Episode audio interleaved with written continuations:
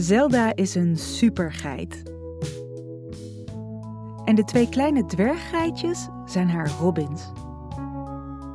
In de stal ligt haar cape verstopt en als het donker is, neemt ze een aanloopje. Dat gaat niet zo makkelijk. Ze heeft speciale hoeven en daardoor rent ze niet zo goed.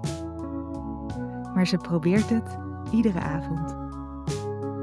En het lukt soms. Dan springt ze op het houten plateau, ze zet zich af tegen de boomstronk en dan kan ze vliegen.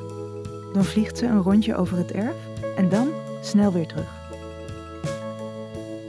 Want Zelda is nooit lang weg van haar hooi. Je kunt haar heel goed aaien. Ze is ook daarin een supergeit. Ze heeft er eigenhandig voor gezorgd dat twee mensen verliefd op elkaar werden toen ze haar samen aaiden. En ze heeft een keer een kind geholpen dat een beetje verlegen was en na het aaien een beetje minder verlegen. Ze heeft ervoor gezorgd dat een opa die niet zo'n zin had in de dag, toch weer zin kreeg.